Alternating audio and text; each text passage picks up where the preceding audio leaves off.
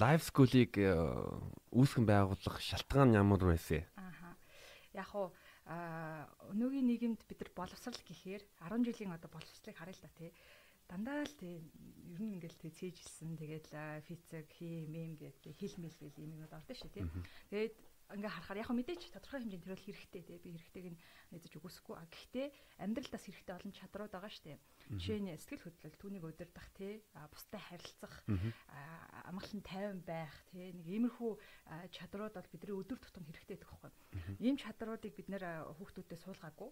Хинт ч юу бид нэр суулгаагүй тий тэгэхээр ийм имийг бид нар яагаад суулгаж болохгүй гэсэн үднэс л амьдралын сургууль гэдэг байгууллагыг байгуулсан. Тий тэгээд түүнээс үдэд үйл ажиллагаагаас явуулж байгаа. Ерөөсөө л хүний сэтгэл зүй, сэтгэл санаа, харилцаа аа тэгээд ерөөхдөө сэтгүүг зүү удирдах тий эдгээр чадамжуудыг сайжруулах гэсэн зорилготой байгууллага.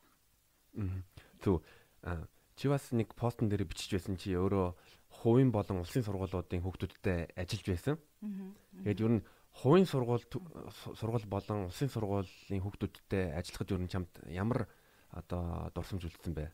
Тэр талаар. Тийм би юу сэтгэл судлалын институтад ажиллаж байхад болох юм бол энэ захын сургуулиудын таван сургуульд би зөвлөгөө өгсөн байхгүй юу. Тэгээд харахаар угаасаа орчин нөхцөл тий орж байгаа хичээлүүд нь шал өөр. А дараа нь би болохоор British сургуульд зөвлөгөө өгч исэн. За тэгээ бас хувийн сургуулийн олон хувийн сургуулийн хүмүүс зөвлөгөө өгдөг одоо ч гэсэн тий.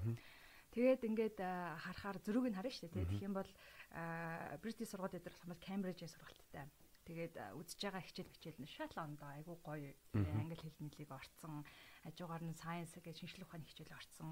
Айгу гоёор зааж байгаа байхгүй юу? Тэгээд туршилтууд хийдэг тий Тэгсэн чинь манай хөрхийн усын сургуулийн тий энэ яг захын сургуулийн хүүхдүүдийг харсан чинь хичээлийнх нь юунууд хүртэл айгу хоцрогдсон тий бүр хэдэн жилийн өмнөх материалаар заагаад байгаа юм би гэмээр зааж байгаа. За тэгээд дээрээс нь амьдралын нөхцөлийг нь харах юм бол тэр юуны одоо нөгөө нэг а улсын сургуулийн хүүхдүүдийн аав ээж нь тий ялангуяа энэ захын сургуулийн хүүхдүүдийн аав ээж нь аюу хэцүү байдалтай байдаг.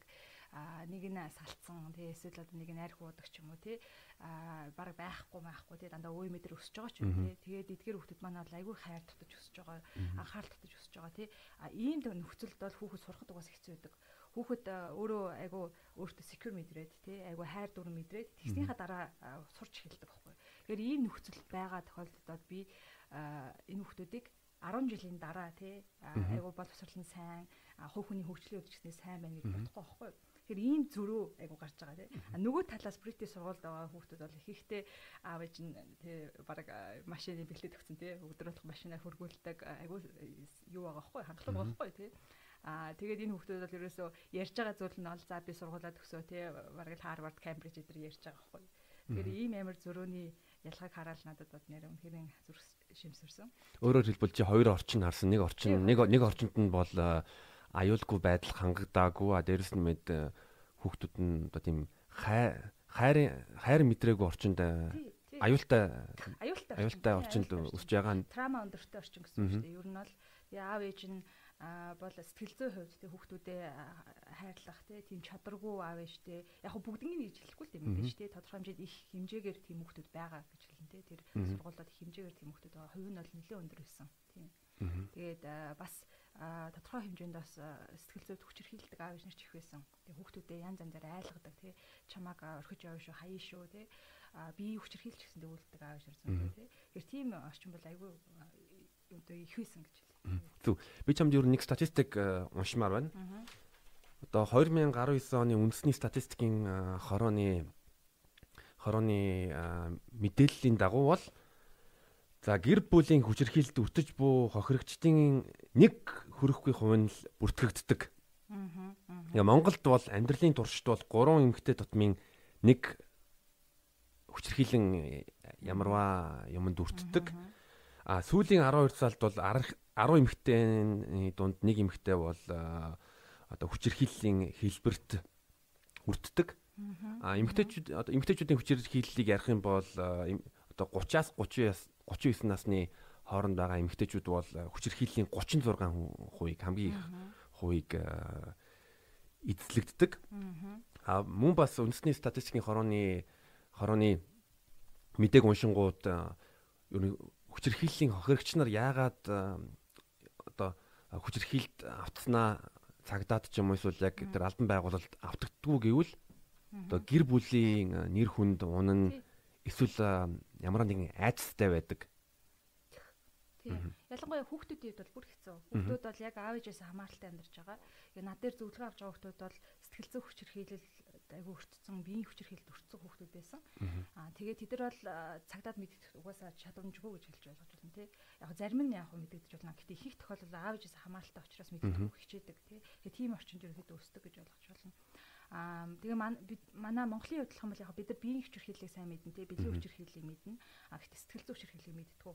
А өгтөө сэтгэл зүйн хүчирхийлэл хамгийн их түгээмэл байдаг. А тэгээд хамгийн одоо э, ирээдүйд яхад бол хамгийн их одоо бас юу тэр хүн хөвгүний хөгжөлт нь бол хамгийн одоо хэцүү юм байдалд оруулдаг гэж ойлгож байна. 10 жил 20 жилийн дараа тэр хүн тэр сэтгэл зүйн хүчирхийлэл нь бол байсан байдаг гэж ойлгож байна. Тэгэхээр ер нь тийм зүйлийг бол жаахан мэддэг байх хэрэгтэй. Хүүхдүүд бол мэдхгүй. Тэгэл өөртөө буруутгал явж байгаа. Тэгээ аав ээж нь хүчээр хэлэл жишээ нь чиний буруу те чи яах гэж энэ ороод төрсөн мөрсөн гэсэн тийм үгээр хэлж хагаад нөгөө хүүхд маань болох юм бол өөр дөр хүлээж авч байгаа те миний буруу гэд дутуугийн мэдрэмж үүсгэж авч байгаа гэсэн. Тэгэхээр ийм зүйлийг бол мэддэг байх хэрэгтэй байх. Аа нөөгийн нийгэмч гэсэндээ одоо ажлын орчинд байна те ерөнхийдөө гэр бүлийн харилцаанд байна те хосуудын харилцаанд байна. Аа жижиг жижиг сэтгэл зүйн хүчирхлүүд маш их байгаа.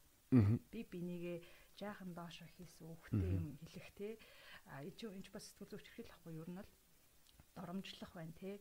Байнгын уурлах байна те. Нэг хүн рүү байнгын дайрах байна те. Тэгэхээр бүгд сэтгэл зүйн хүчирхийлэлд орно а энийгээ бид нар сайн мэддэггүй. А энийг сайн ярьдаггүй. Биеийн хүчирхийл юу бэлгийн хүчирхийлэл ярьдаг сэтгэл зүйн хүчирхийлэл ерөөс ярьдаг энэ бол хамгийн одоо хортой үг нь бол минутын нэг хүчирхийлэлүүд нэг баггүй би бас сая Монголын статистикуудыг дурдлаа. Одоо би бас Америкийн статистикийг дурдмаар байна. Одоо Америкийн Center for Disease Control and Prevention нэг одоо мэдээллийн дагуу бол таван Америкчуудаас нэг нь бол одоо бэлгийн хүчирхийлэлд өртөжсэн хүүхд хүүхд байх үедээ бэлгийн хүчирхийлэлд өртөж байсан. А дөрөв Америк дөрвөн Америк хүүхдийн нэг нь бол аав ээж аав ээжийнхээ аль нэг нэгнээр бол одоо биеийн дарамтанд хүчирхийлэлд орж байсан. А өөрчин бол юу гурван хосуудаас нэг нь бол нэг нь бол оо биеийн хүчирхийлэлд автдаг.